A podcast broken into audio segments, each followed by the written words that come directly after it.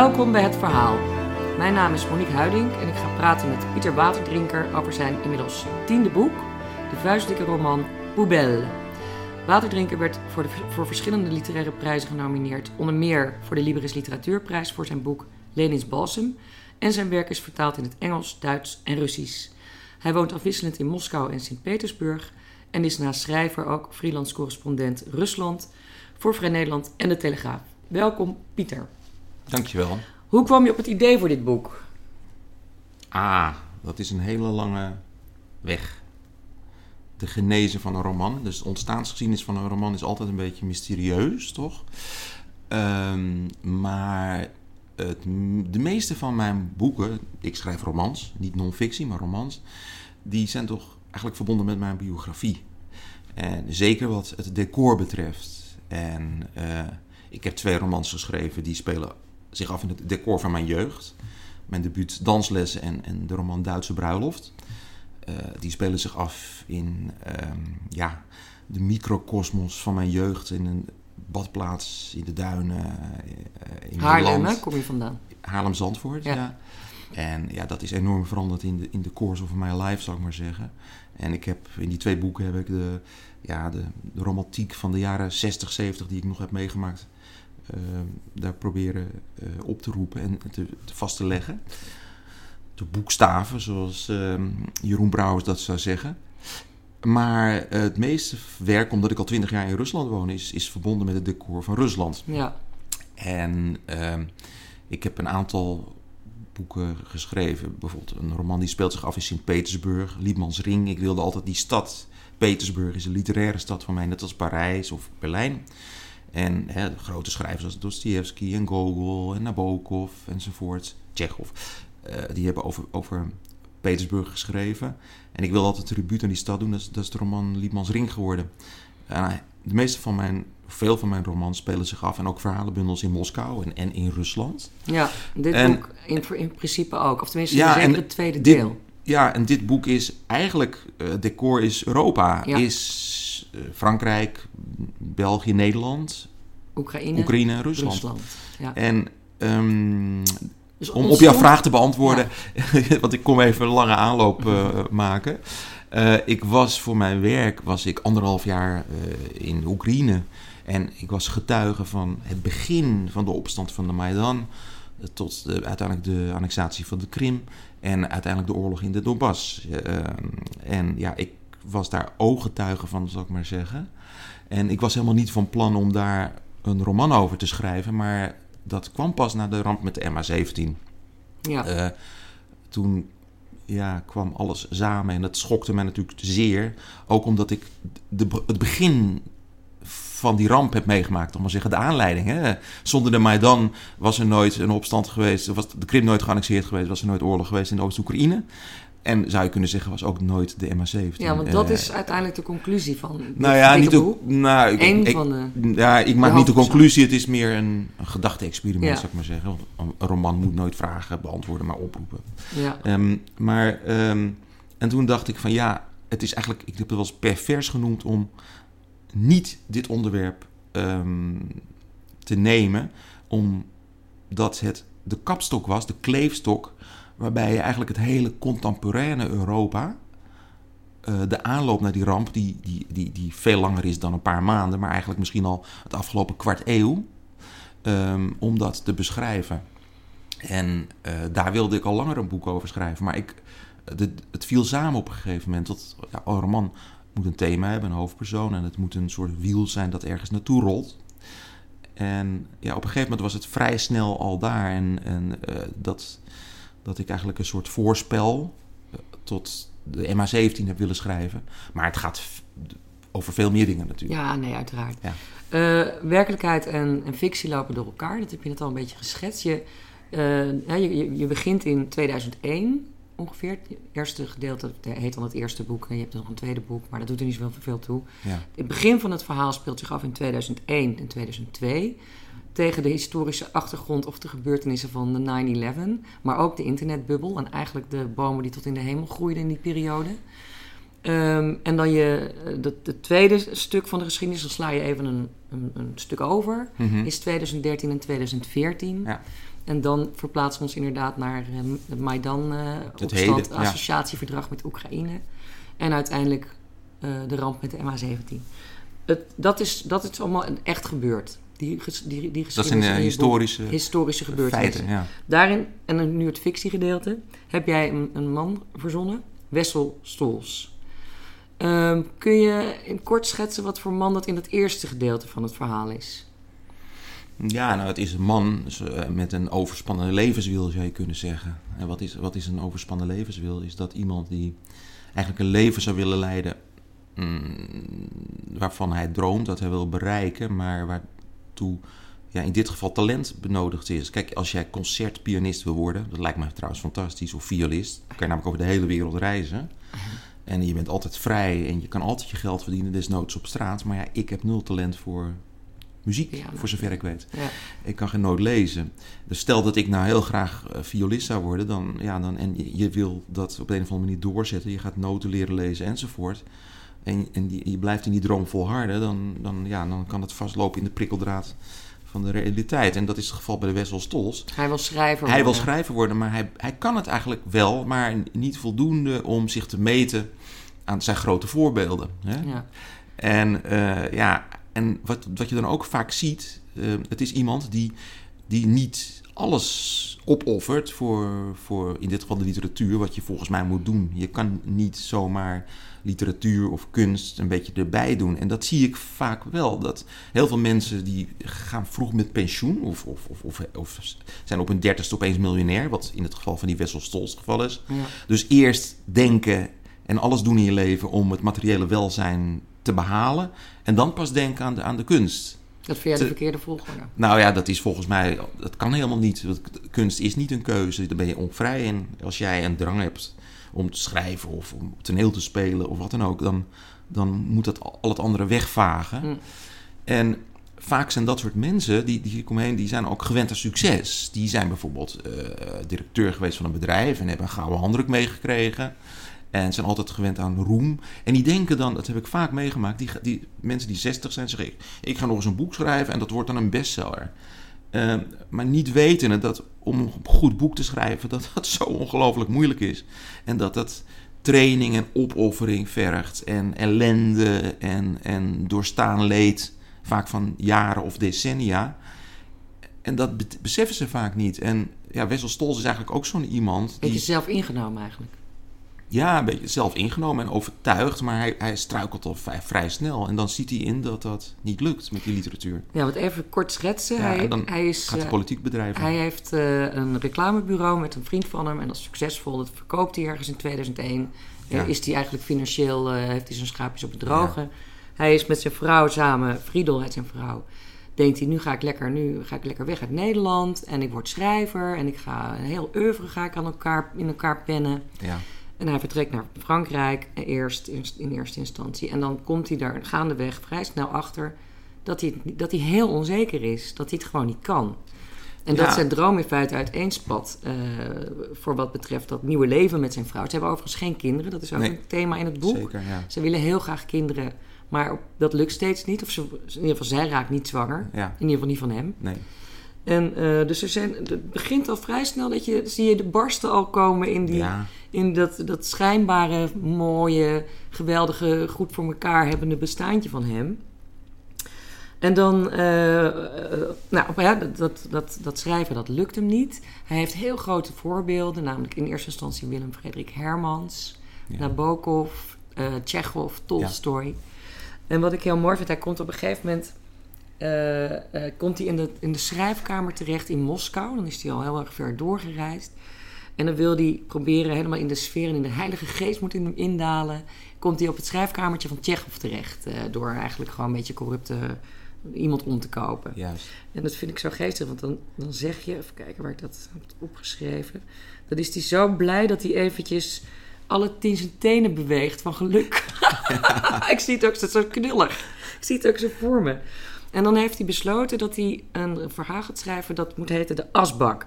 En nu moeten we even terug naar de titel van je boek, want dat is Ja. Poubelle. Ja. Poubelle, dat is een vuilnisbak in Frankrijk. Ja, Maar dat is ook een echt bestaande, de naam van een, van een, een echt bestaande figuur. Is een achternaam. Die vuilnisbakken zijn in feite naar hem vernoemd. ja, klopt.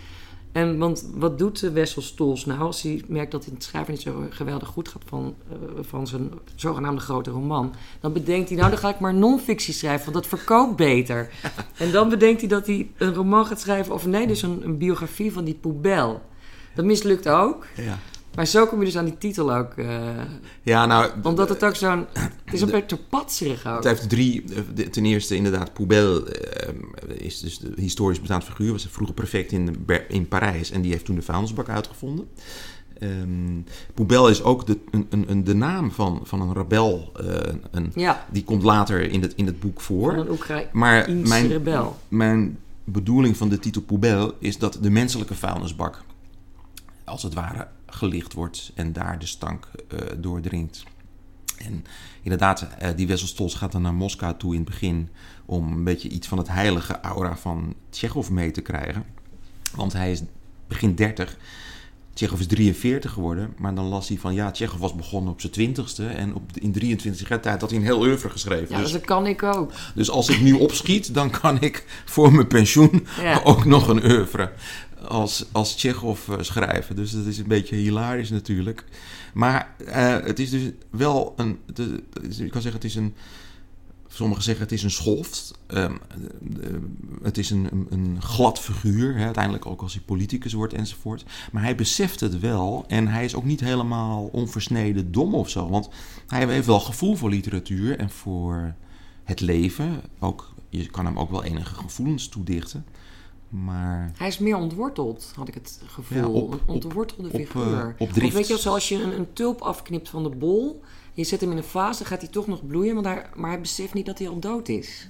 exact, Zo'n dat is het. Figuur. ja en volgens mij... Heel, heel moeite met zoeken. Hij weet niet, eigenlijk niet goed wie hij zelf is.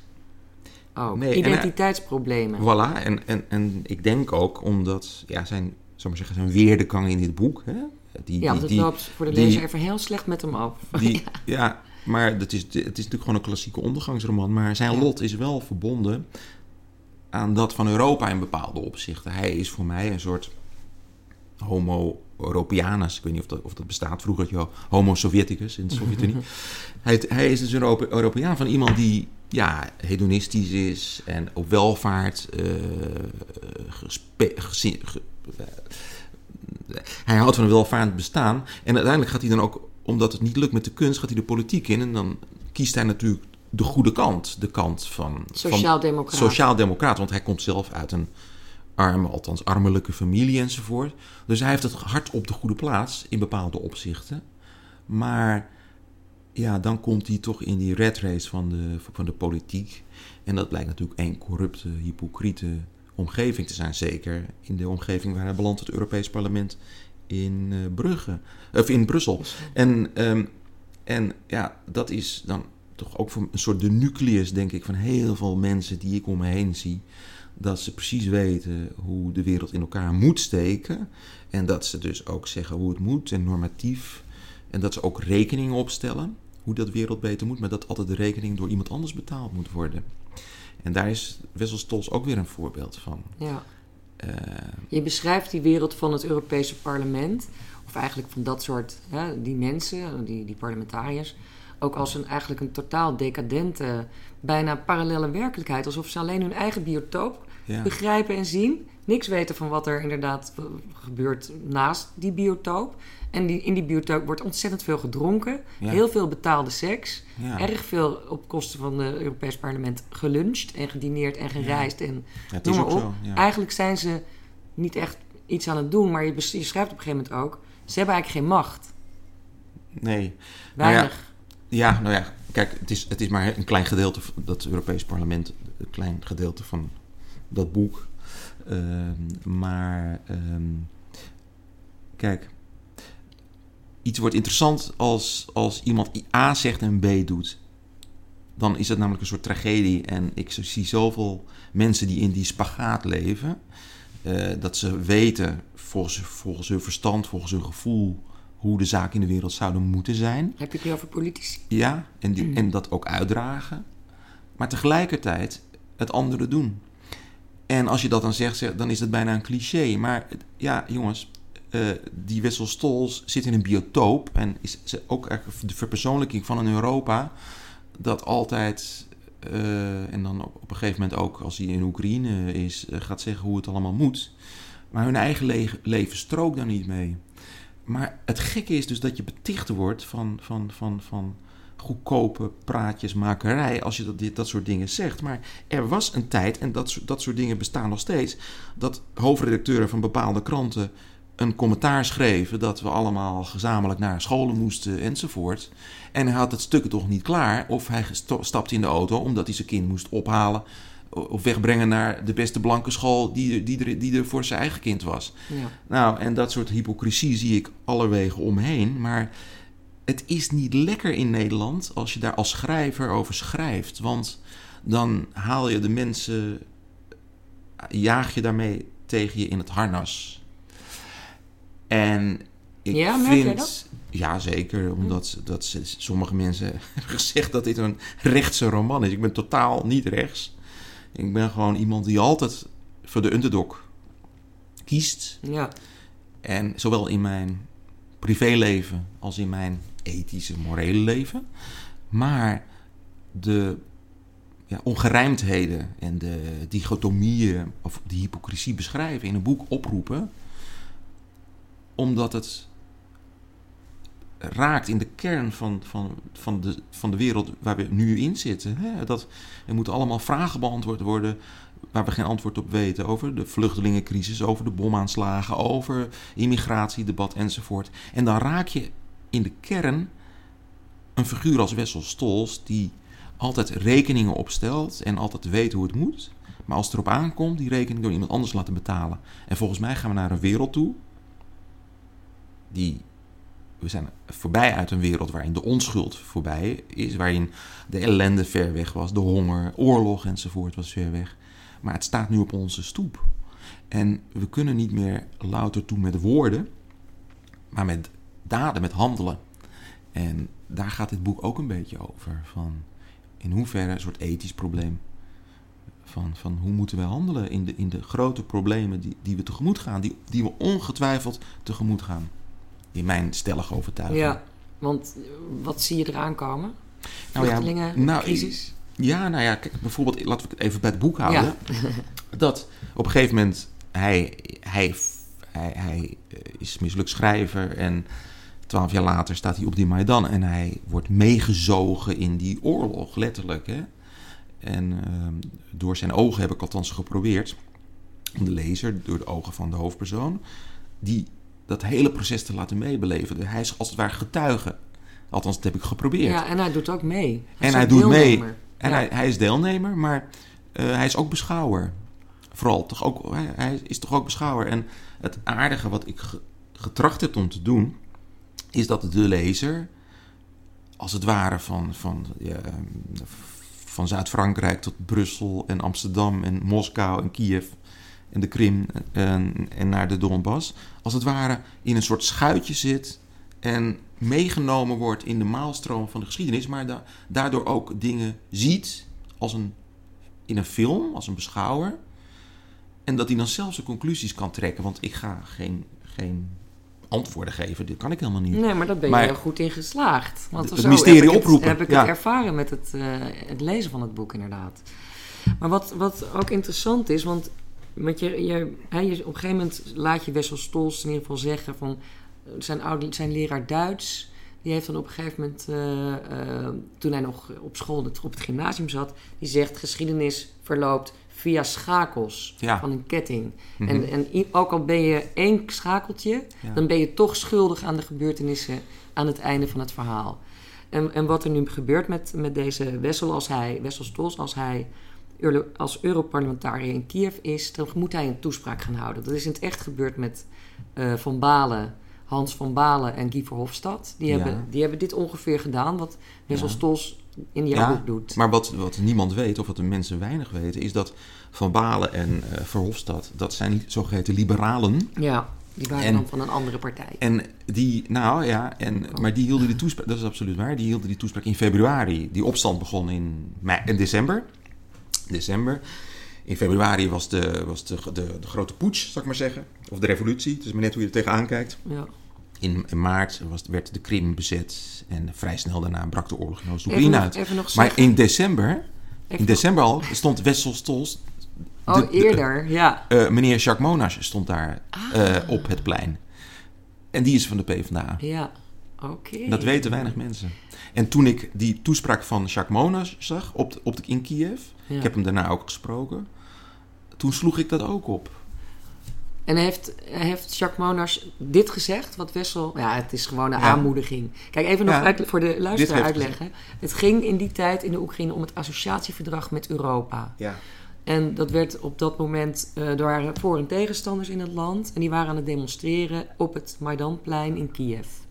En daar, gaat, Nou. daar speelt... Hè, op die, bij, bij, mensen hadden tentjes, maar er waren ook natuurlijk allerlei politie- en legereenheden, et cetera. Ja, nou ja, je had Janukovic, die was toen de president. En die had gezegd dat we gaan het associatieverdrag tekenen. Te elf ter uur, toen het in Vilnius in Litouwen getekend moet worden, heeft hij zich teruggetrokken. Ja, Onder druk van Poetin, dat, dat is wel duidelijk. Ehm, en toen is de jeugd op straat gegaan en toen is dat heel snel in, in een soort opstand eh, Ja. terechtgekomen. Maar ja, goed, het verloop daarvan lijkt ook heel erg op een putsch, op een staatsgreep. Maar goed, daar, daar, daar ga, ik niet, daar blijf ik buiten, daar ga ik ook niet te veel op in. Dat vind ik ook niet zo erg van belang. Maar, Maar goed, eh, het gaat wa- natuurlijk om de invloed die, zo, die die Europarlementariërs daar eigenlijk een beetje stroop om de mond smeren van, eh, het van die bevolking, terwijl ze ze niets te bieden hebben. het was liefde die niks kost. Ja, de, de, de, je- worst voorhouden. ja, En, en eigenlijk alleen maar ter zelfprofilering. Want eh, dat zie je ook vaak. Dat eh, in dit geval politici, maar mensen zichzelf profileren. Ja, op, ten koste, ten detrimente van anderen. En eh, normaal loopt dat met een sisser af, om het zo maar te zeggen. Maar in dit geval werd het vuur zodanig opgestookt dat er na de annexatie van de Krim is en uiteindelijk een oorlog in Europa. ja. En als as we speak eh, nu, die oorlog duurt nog steeds voort. Hè? En wij weten niet waar het einde is. Want wij denken altijd, oké, het, het zal weer loslopen. Maar op dit moment, ik was tien dagen geleden was ik in de Baltische Staten, in Letland. Waar eh, NAVO-troepen nu eh, oefenen. Omdat men zegt, ja, eh, de Letten worden bedreigd door Rusland. En dat kan zomaar ontaarden. We weten het niet. Poetin is natuurlijk gewoon een totaal ongeleid projectiel. En sommige mensen zeiden toen al tijdens de crisis van Oekraïne: we moeten wapens leveren. eh, we moeten tegen de Russen optreden. Ik zeg prima, dat, dat, dat, dat kan ik begrijpen als je dat wil. Maar dan moet je ook. Ik heb zelf geen kinderen, maar als jij kinderen hebt van 18 jaar die nu in backpackend in Australië zijn of net eh, het eindexamen gymnasium hebben gedaan. Als ze dan ontaard met jouw wapens leveren, dan moet je ook bereid zijn om jouw kinderen naar het front te sturen. Om ergens te sneuvelen eh, in een korenveld ergens in Oost-Oekraïne. Want dat is dan hè, wenn schon, den schon, zeggen de Duitsers. En dat is ook een beetje het dilemma dat hier wordt opgevoerd in dit boek. Dat wij, in, misschien in West-Europa, in Nederland, zijn altijd weggekomen met bla, bla, bla, bla, bla. Hè? Dat vind ik altijd zo mooi in die film... eh, eh, La, La Grande Bellezza. Op een gegeven moment op het eind, heb je hem gezien, die film? ja, Dat op het eind, en dan is hij moe. het gaat over en, eh, decadente Rome. decadente Rome. Ja. En dan zegt van oké, even- dan haalt hij nog Shakespeare aan of zo. En dan bla bla bla bla bla. En het is natuurlijk ook zo met bla bla bla bla bla. En je kwam ermee weg. Het staat gewoon voor, zeg maar wat, als je er maar serieus bij kijkt, dan, dan, dan gelooft Voilà. iemand je. Maar tuurlijk, eh, normaal dan stap je weer gewoon de straat op of in je auto en alles is normaal. Ja. Maar als je op een avond bla bla bla bla bla hebt gezegd en de volgende dag hangt er een vliegtuig boven je hoofd, niet een reclamevliegtuigje of een vliegtuigje dat op weg is naar Mallorca, maar een militair vliegtuig dat een aantal manoeuvres maakt en van plan is om, om bommen te gooien, dan denk je ja jongens dat kan niet, want dat past, dat is iets van vroeger. Oorlog is zwart-wit. Het is een film. Film en zwaar en, Ja, en is ver weg. Ja. Maar ik heb persoonlijk ervaren, meerdere malen ook in de oorlog in Tsjetsjenië, in, in Georgië was ik helaas enzovoort. Ook in die oorlog in, in Oekraïne. En die hoofdpersoon maakt dat dan ook mee. Dat hij op een, de ene moment zit hij op het terrasje in Amsterdam. En het andere moment is hij dan in, in de oorlog in Oekraïne. En dan staan er mensen met kalasjnikovs in zijn buik te prikken. Niet als op een videoscherm, maar in het echt. Ja. En er liggen echt lijken in de greppel. En ze stinken ook nog. En ze bloeden. Ja. En dan is het opeens anders. En wij staan in Europa volgens mij zo ver weg van, van die beelden. Omdat we niet kunnen bevroeden dat het ooit nog kan gebeuren. En dat is Bij ons. Bij ons, ja, met ons. Ja, dat En wij dat soort kinderen. dingen ineens in de straat zien liggen. Ja, Dode mensen. ja, maar we spelen wel met vuur in die zin dat we wel Doe wel allemaal, me- allemaal zeggen we, je moet dat doen. En, maar het zijn altijd anderen die het moeten oplossen, weet je wel? Nou, wij doen toch ook mee? Oh ja, maar het kan, vliegtuigen. Ja, maar tuurlijk, we doen mee op een risicoloze manier. Ja. Maar stel dat, dat, dat door die tanks in de Baltische landen, waar heel veel voor te zeggen valt, prima. Maar oké, dat er nu wel een idioot het besluit neemt om te gaan aanvallen. Dan heb je artikel 5 van de NAVO, aanval op één is Ja. aanval op alle. Dan hebben we oorlog. Dan heb je gewoon oorlog. En dat begint dan ook eventjes ver weg. En dan hier in het prachtige Utrecht kan je het niet voorstellen. Maar nog maar 50 jaar geleden vielen er ook bommen op Rotterdam hoor. En op Arnhem. Het kan zomaar weer gebeuren. En dat is volgens mij toch ook een beetje de impliciete boodschap. Nou, ik heb geen boodschap, Maar ja, de werkelijkheid waarin hij... eh, ja, wat, want hij komt in feite uit die, uit die werkelijkheid waarover we het nu hebben. Zoals hier in dit gesprek wordt opgenomen in Utrecht. ja, In Nederland. En alles prima. Iedereen heeft alles goed voor elkaar. Hij heeft ook allemaal van dat soort vriendjes. Die, die zijn ook heel succesvol allemaal. ja, Hij heeft een, een paar mensen die met invloed rijk en succesvol in de, in de politiek. Zo komt hij ook weer in de politiek terecht. Een vriend van hem, Clemens van Dongen. En, eh, die, en inderdaad, de kinderen van die, van die man met zijn vrouw. Die zijn ook heel succesvol en die, hebben, die gaan allemaal reizen. En Allemaal de heerlijk. hand. Alles Heerlijk. gezellig Wat en een leuk. verrukkelijk leventje. En vanuit dat leventje, terwijl hij is wel een getroubleerd iemand, eh, onze Wessel. zeker. Die, die denkt ook veel over de dood. Hij is eigenlijk ook, hij heeft sluimerende depressie. Dat, dat merk je ook de hele tijd. En hij blijkt namelijk, daar komt hij zelf achter als hij 12 is, niet het kind te zijn van zijn ouders, maar eh, het, eh, opgevoed te worden door de zuster van Ja. zijn moeder. Ja. Want zijn ouders zijn om het leven gekomen toen hij twee was. Ja. En de ironie wil dat zijn echte vader kunstschilder was. En hij denkt ook dat hij die, die gevoelens van art, artisticiteit van zijn vader heeft. En zijn stiefvader is huisschilder. Ja. Vond ik wel leuk bedacht. Oh, nu je het zegt, eh, daar heb ik niet eens over nagedacht. Oh, oh oké. Ja. die, die heeft een alcoholprobleem. En die moeder, die, die zus, die zus is die niet zijn moeder is, maar die, de rol van zijn moeder, die is wel lief voor hem. Maar Ja. die vader, die daar kan die helemaal niks mee. En dat is echt vreselijk. En daar is natuurlijk al die depressie begonnen. Ja. En dat afgesneden zijn eigenlijk. En dat ontworteld zijn. Ja, natuurlijk. Als jij iedereen het leuk en gezellig eh, ziet. Ja. En in die kind. situatie, dus je, je, je komt heel veel van zijn binnenwereld, van zijn psyche te weten. Mhm. Je leert hem echt kennen, ook als iemand die eigenlijk steeds twijfelt. Ook aan, aan zijn eigen motieven en of hij wel goed doet. Mhm. En dan komt hij in die, in die prachtige wereld van die rijkdom en al die, al die prostituees en die, dat zuipen en dat reizen. Boem, ineens in de oorlog van in Oekraïne terecht. Ja.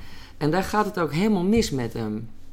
Want hij wordt, op, hij wordt ontvoerd door die rebellen. Toevallig heet die commandant die hem ontvoert ook Poubel. ja. Hoe kwam je daar eigenlijk op? Of was dat, waarom wilde je dat die co- commandant ook... Of heet, he- heet echt een commandant Poubel? Ja, die, die, die commandanten in Oost-Oekraïne, die hadden allemaal bijnamen. Oké. Die hadden bijnamen. Oh, dat zou zomaar kunnen. Dat dat zou- had, zo heel, had Ja. heel goed gekund. Ten meer ook omdat die, deze man ook in Frankrijk had. Ja, hij het Vreemdelingenlegioen Vreemdelingen, had gezeten enzovoort. En ehm, uiteindelijk be- belandt die Wesselstols dan in een, inderdaad in een kelder in, ehm, in Oost-Oekraïne. Wordt er gevangen gehouden. En hij wordt ook aan verhoren onderworpen. En uit, eigenlijk zit in de persoon van die Wesselstol zit gewoon Europa in de kelder. Hè? Ja, dat Eh, ik al ze- eh, eh, in wezen wordt, wordt, wordt, wordt door, die, door die rebel, die eigenlijk ook, een, ook geen onversneden schoft is. Ik bedoel, hij, hij wilde promoveren op Ja, Voltaire. Intellectueel. en intellectueel, en die is ook ontaard, hè, het Vreemdelingenlegioen gegaan. En toen kwam hij terug in, kwam hij in dat mooie Europa. En toen bleek dat hij eigenlijk in, voor dat mooie Frankrijk moest vechten in Afrika. En als hij terug was, toen zag hij al de jeunesse dorée lekker in Frankrijk op terrasjes zitten. En genieten van alle, alle zaken die voor hen vanzelfsprekend waren. Ja. En hij als lid van het Vreemdelingenlegioen uit Rusland, dat er zijn er echt veel van dat soort mensen, die werd dus als een soort iemand van de tweede garnituur gezien. En heel merkwaardig, daar kwam ik gisteren opeens op, dat dat lot, of die, dat ressentiment van, van, van die Russen, dat lijkt eigenlijk heel erg op het ressentiment van heel veel Noord-Afrikanen bijvoorbeeld in Ja, Europa. daar moest ik ook aan denken. Eh, ja. Hun lot is eigenlijk heel erg gemeen. Want heel veel Russen zeggen ook tegen mij: van ja, altijd maar die Amerikanen, jullie, eh, eh, jullie zijn mensen en wij zijn Russen. Ja, Weet dat je wel? staat ook een paar keer, Ja. dat laat je die commandant ook Ja. een paar keer zeggen. En- en de- Want en- ze zijn eigenlijk geen mensen. Of ze zijn Ja. ook- ja, een soort kakkerlakken meer. Ja, nou, en- Worden door ons helemaal niet als mensen gezien. Nou ja, het is natuurlijk ook zo dat En zo voelen ze dat natuurlijk. Nou ja, het is natuurlijk heel veel. Of dat nou goed is of, of, of recht- gerechtvaardigd is of niet, dat maakt niet uit. Reven zei of, of God bestaat of niet, maar het maakt niet uit. Er zijn mensen die in God geloven en daar heb je mee te maken. En heel veel Russen zijn na de val van de Sovjet-Unie, en Poetin is daar de verpersoonlijking van, hebben ressentiment, een groeiend ressentiment naar het Westen toe. En zijn boos ook. En eh, of dat nou allemaal juist is, weet ik niet, maar het bestaat. En met die realiteit heb je rekening te houden. En sommige dingen zijn ook wel te begrijpen. Bijvoorbeeld, mensen zeggen ook: waarom is die Poetin altijd zo op machts- en oorlog eh, bezig? Het is allemaal ver achter ons. De oorlog is al 60 jaar geleden. Maar Poetin is opgegroeid in een keukentje in Leningrad toen nog. Heel armelijk, de ratten liepen in het trapportaal enzovoort. Maar Poetin had twee broers en die zijn in de oorlog in Leningrad overleden. Samen tijdens de blokkade in Leningrad. Die heeft 900 dagen geduurd. Dus het- de nazi's hadden de stad omsingeld. 900 dagen lang. En tijdens die blokkade zijn er drie kwart miljoen mensen om het leven gekomen. Drie kwart miljoen. In één stad. In één stad, drie kwart miljoen. Kijk, wij praten over de Tweede Wereldoorlog, met name over de 200.000 Joden die zijn weggevoerd. En dat, dat bepaalt tot de dag van heden terecht eh, ons onverwerkte oorlogsverleden. Maar in één stad alleen al zoveel doden, drie Gaat kwart miljoen. Verstand te boven. En Poetin heeft een direct lijntje. Namelijk zijn broer is daardoor door de Duitsers omgekomen. Dus vandaar Maar zijn broer was dan veel ouder dan hij? veel ouder, ja. Ja. Veel ouder. Zijn nakomertje. Ja, ja, ja. Ja, oké. ja. Dus hij, ja, hij, is, hij is direct, hij is eigenlijk het Hij is slachtoffer, hij is een eerste, eerste generatie oorlogsslachtoffer. Ik bedoel, Grunberg is eerste generatie oorlogsslachtoffer. Zijn moeder heeft in. Auschwitz gezeten, heeft het overleefd. En, en Poetin in een heel andere constellatie Ja. is, hij is ook door die oorlog getekend. En het werk van Grunberg is eigenlijk ook doordezend met, met goed en fout, heel impliciet. En wat hij op de Volkskrant doet ook. Het is altijd toch een oordeel vellen vanuit het feit, van ook zijn biografie, eh, van jongens, eh, dit is er gebeurd direct met de vrouw uit baarmoeder ik voorkom. Ja. Hè? Hoe, kom je Zo nou, dicht. hoe kom je nou opeens op Grunberg? Nou Waarom leg je die nou ja, associatie? nou ja, gewoon omdat het een, Omdat het ook een een oorlogsslachtoffer oor- ja, de is. oorlog Ja. kan verschillende vormen Ja, hebben. ja, ja, ja. Hè? Eh, Ja, want, want- in jouw boek wordt ook vanuit die Russische visie gezegd... luister eens, wij hebben veel meer... eh, de Russen hebben het leven gegeven om eh, Europa te bevrijden. En die krijgen altijd het applaus. Niet de Russen, want, je, want wij zijn fout. Dat Ja, moet natuurlijk ja. ook, dat, dat helpt ook dat resentiment natuurlijk. eh. Nou ja, toen ik, want ik weet niet hoe het bij jou was, maar toen ik op school zat, ik bedoel, hè, was het altijd bevrijdingsdag, de Amerikanen, de Canadezen. ja, niet de Russen. En de Russen niet, Maar dat want komt dan vanwege Stalin natuurlijk. dat kwam omdat Stalin dan natuurlijk Oost-Europa heeft bezet en, Ja. en 50 jaar lang het Oostblok was. Dus Ja. die waren impliciet de vijand. Ja.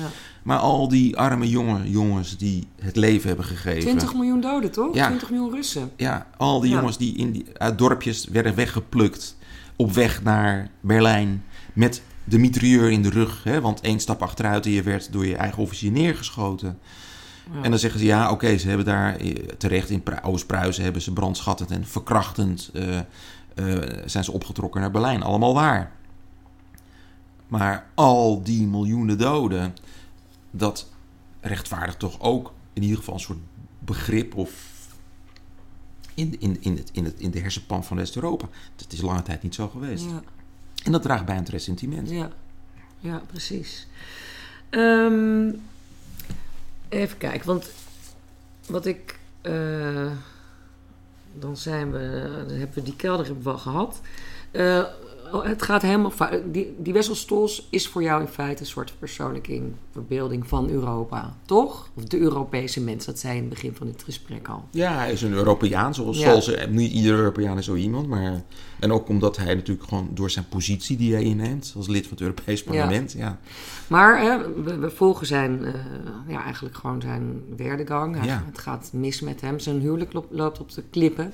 Ja. Ehm, er komt ook op een gegeven moment in, je, in het verhaal... Er is ook een ik, ver, ik ver- een verteller, een Ja. ik-figuur in het, in het verhaal. Ja. Dat blijkt een schrijver te zijn.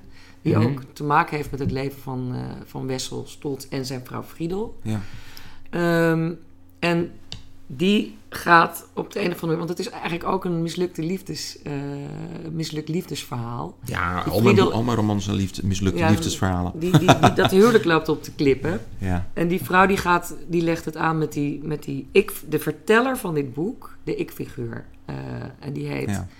eh, weet ook weer? Stefan, nee? eh, nou, Dan moeten we even zelf ook opzoeken. vergeten die heet. Kan je nagaan. Sander Brons. Sander Brons, ja. Zo heet hij. Sorry, want ik had, hem na- ik had hem namelijk... Ik moest denken omdat ik hem eerst een andere naam had gegeven. Oh, Maar toen zei mijn redactrice, dat moet je niet doen, want het lijkt te veel. op iemand op Eh, ja, staat. ja, ik ga niet zeggen wie. Ah, jammer. Ja, maar ehm, ja, kijk, die, eh, het is eigenlijk ook een...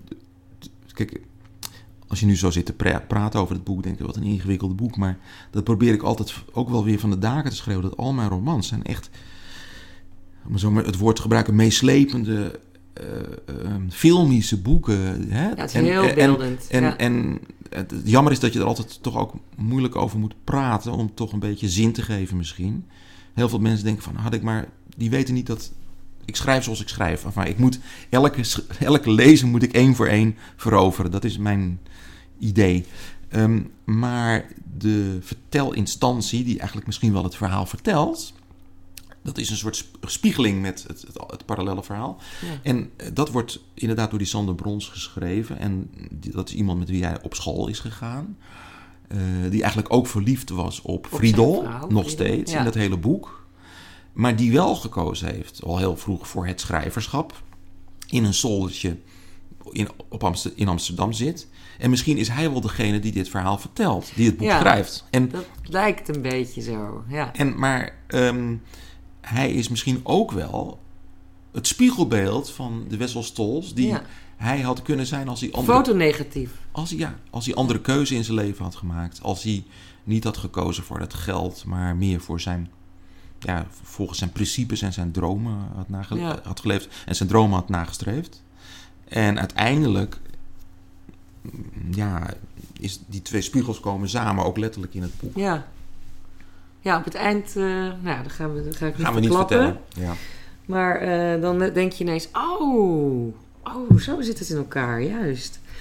Ehm, even, Dort, Dort is der Hoen begraven, zoals de Duitsers we zeggen. kunnen, er komen echt ontzettend veel personages in het boek voor. Die man Ja. die beleeft de meest waanzinnige avonturen. Dat kunnen we natuurlijk allemaal niet in drie kwartier bespreken.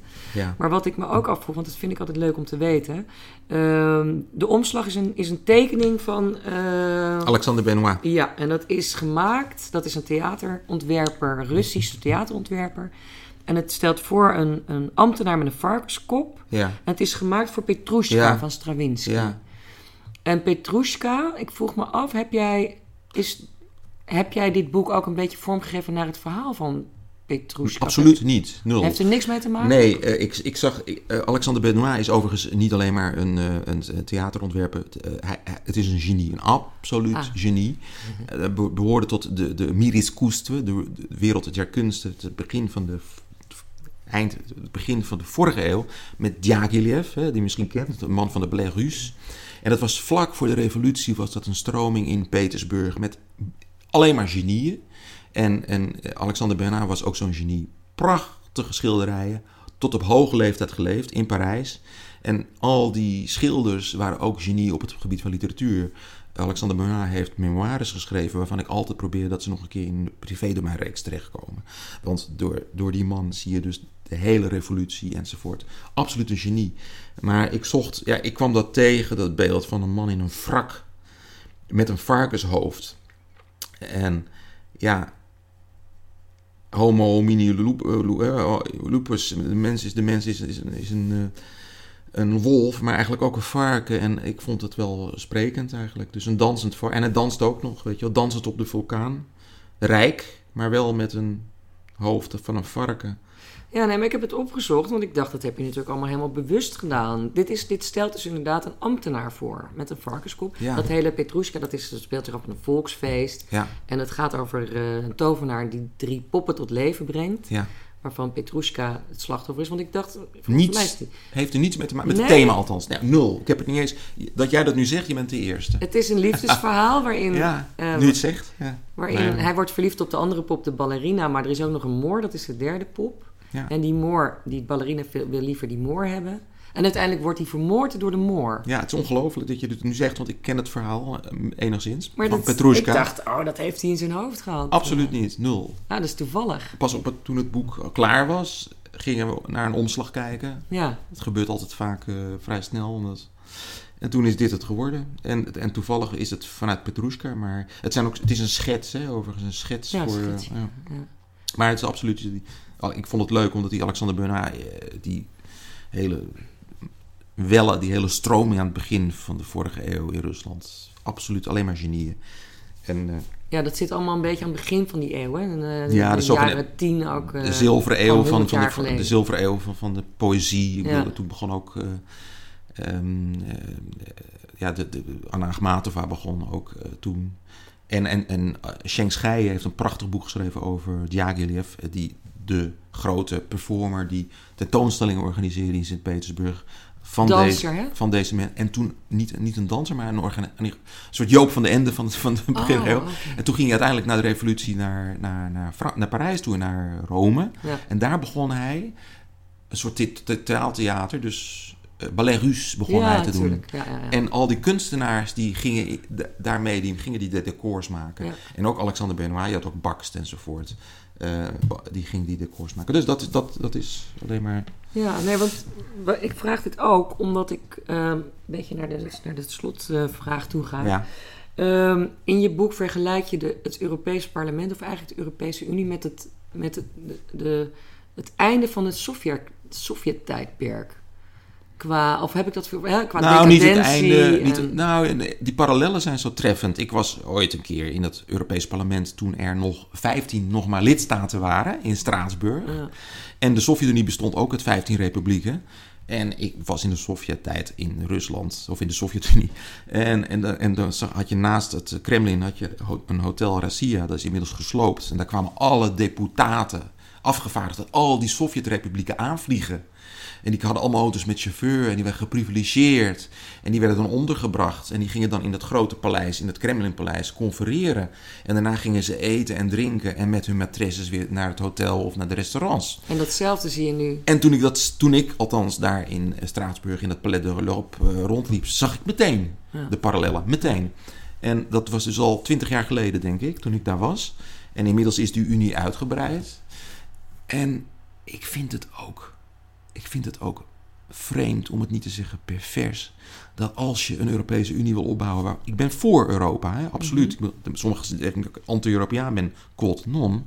Maar als je zo'n structuur opbouwt in Europa, waarvan vanaf Sicilië tot Noorwegen heel veel mensen moeten leven voor een inkomen, met een, van een inkomen van 1200 euro in de maand, ik noem maar wat. Hè?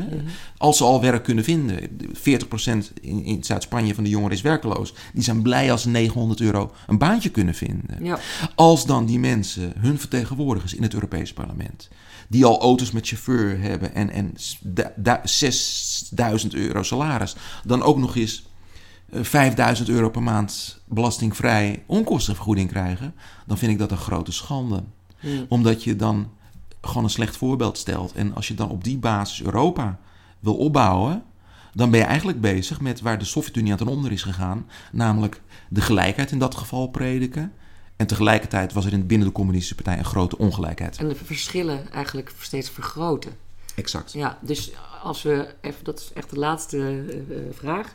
Denk jij vanuit die eh, ervaring en die parallellen dat Europa ook op het punt staat in te storten? Net als de Sovjet-Unie uiteen te vallen. Ik hoop het absoluut niet. Maar wat we nu zien is, is toch een deconfiture. En, eh, en, en daarom we zullen, nieuw, we zullen het nie- opnieuw moeten uitvinden.